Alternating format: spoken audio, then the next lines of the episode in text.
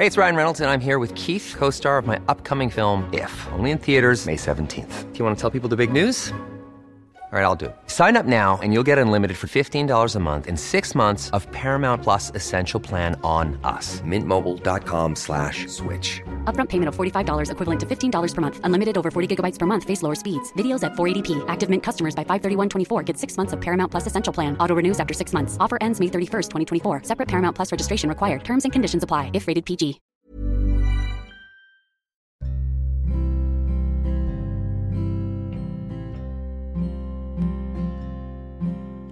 Hai, selamat datang di podcast Love Lavina. Di sini, aku akan berbagi pikiran, tips, dan cerita aku untuk nemenin kamu. Sebelum mulai, aku mau ngasih tahu kalau podcast ini dibuat dengan aplikasi Anchor. Dengan Anchor, kita bisa rekam dan publish podcast langsung ke Spotify 100% gratis. Selamat mendengarkan ya.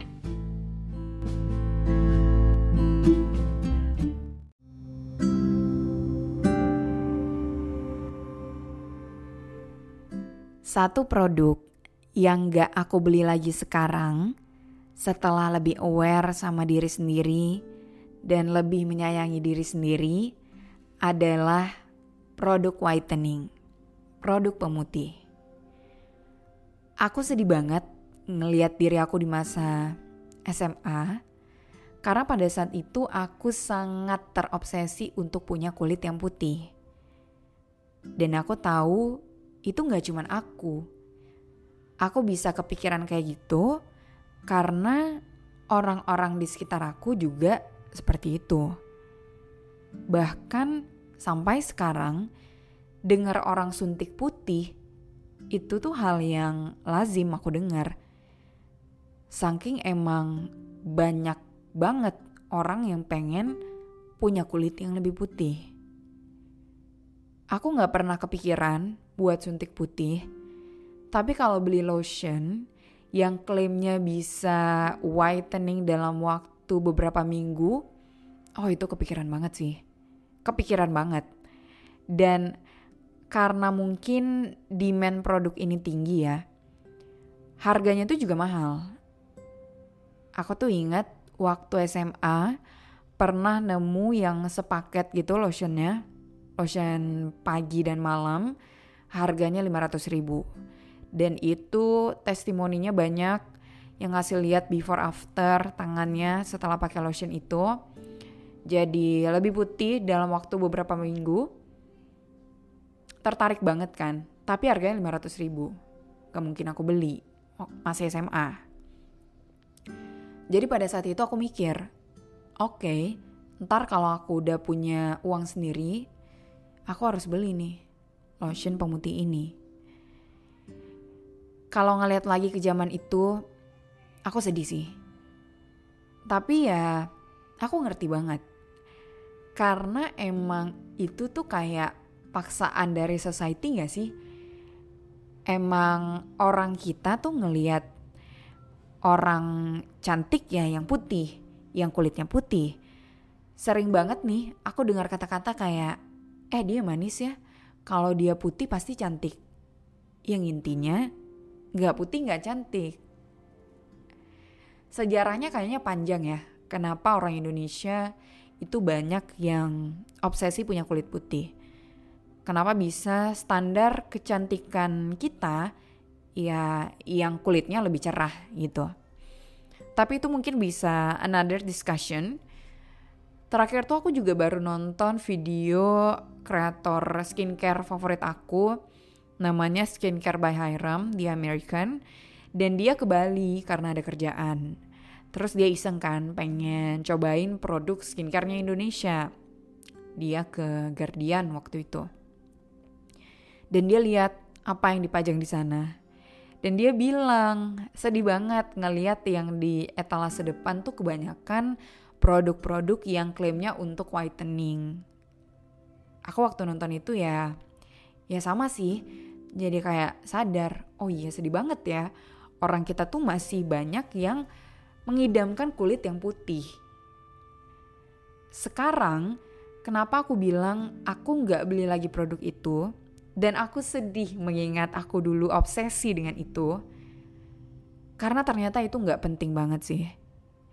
Orang yang bilang orang yang gak good looking itu nggak dihargai berada di lingkungan yang salah. Sesimpel itu.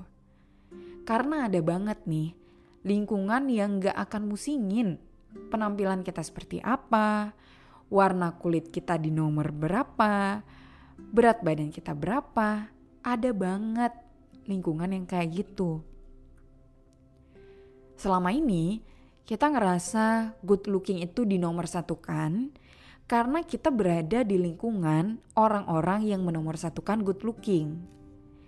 Padahal ada banget lingkungan yang akan menilai kamu dari value yang kamu punya, kemampuan yang kamu punya, ide-ide yang kamu punya instead of the way you look. Ada banget lowongan pekerjaan yang sama sekali nggak bikin syarat harus berpenampilan menarik. Dan ini yang sekarang ngebuat aku ngerasa punya kulit putih biar dibilang cantik itu nggak sepenting itu. Waktu aku kuliah dan waktu udah kerja juga, aku tuh gabung ke dua komunitas di mana di dua komunitas ini ada teman-teman yang disabilitas. And guess what? Of course, orang-orang di komunitas itu nggak pernah ada yang heboh ngomongin fisik. Bahkan dari awal untuk gabung ke komunitas itu aja, nggak ada syarat harus good looking. Jadi orang diterima di situ bukan karena good looking atau enggak, tapi karena orang-orang ini ya punya kemampuan ada emang pekerjaan yang syaratnya harus good looking. Misalnya frontliner di bank, yang jadi teller atau CS.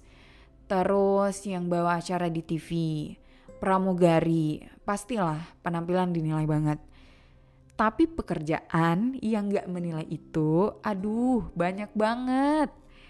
Banyak banget pekerjaan yang gak mentingin itu yang penting otaknya encer, personality bagus, ya udah terserah mau penampilannya kayak gimana. Dan aku juga baru-baru ini kan menyadari ini, makanya aku tuh berharap I wish dulu tuh ada yang bilang sama aku, ya kulit putih itu nggak penting.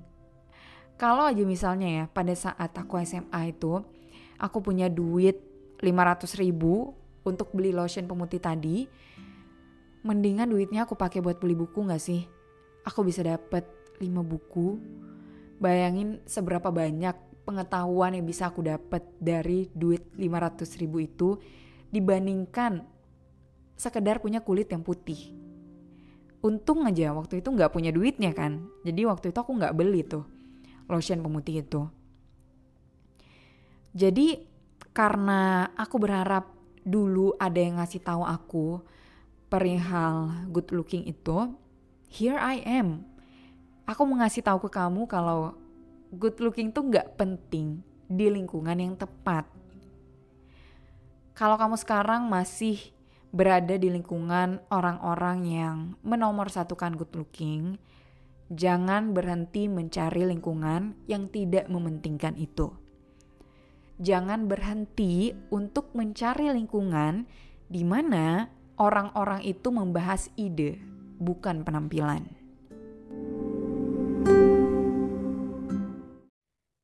Terima kasih sudah mendengarkan. Jangan lupa follow podcast Love Lavina di Spotify dan nyalain lonceng notifikasinya. Biar kamu tahu kalau aku udah upload episode terbaru. Kita ketemu lagi di episode selanjutnya. With love, Lavina.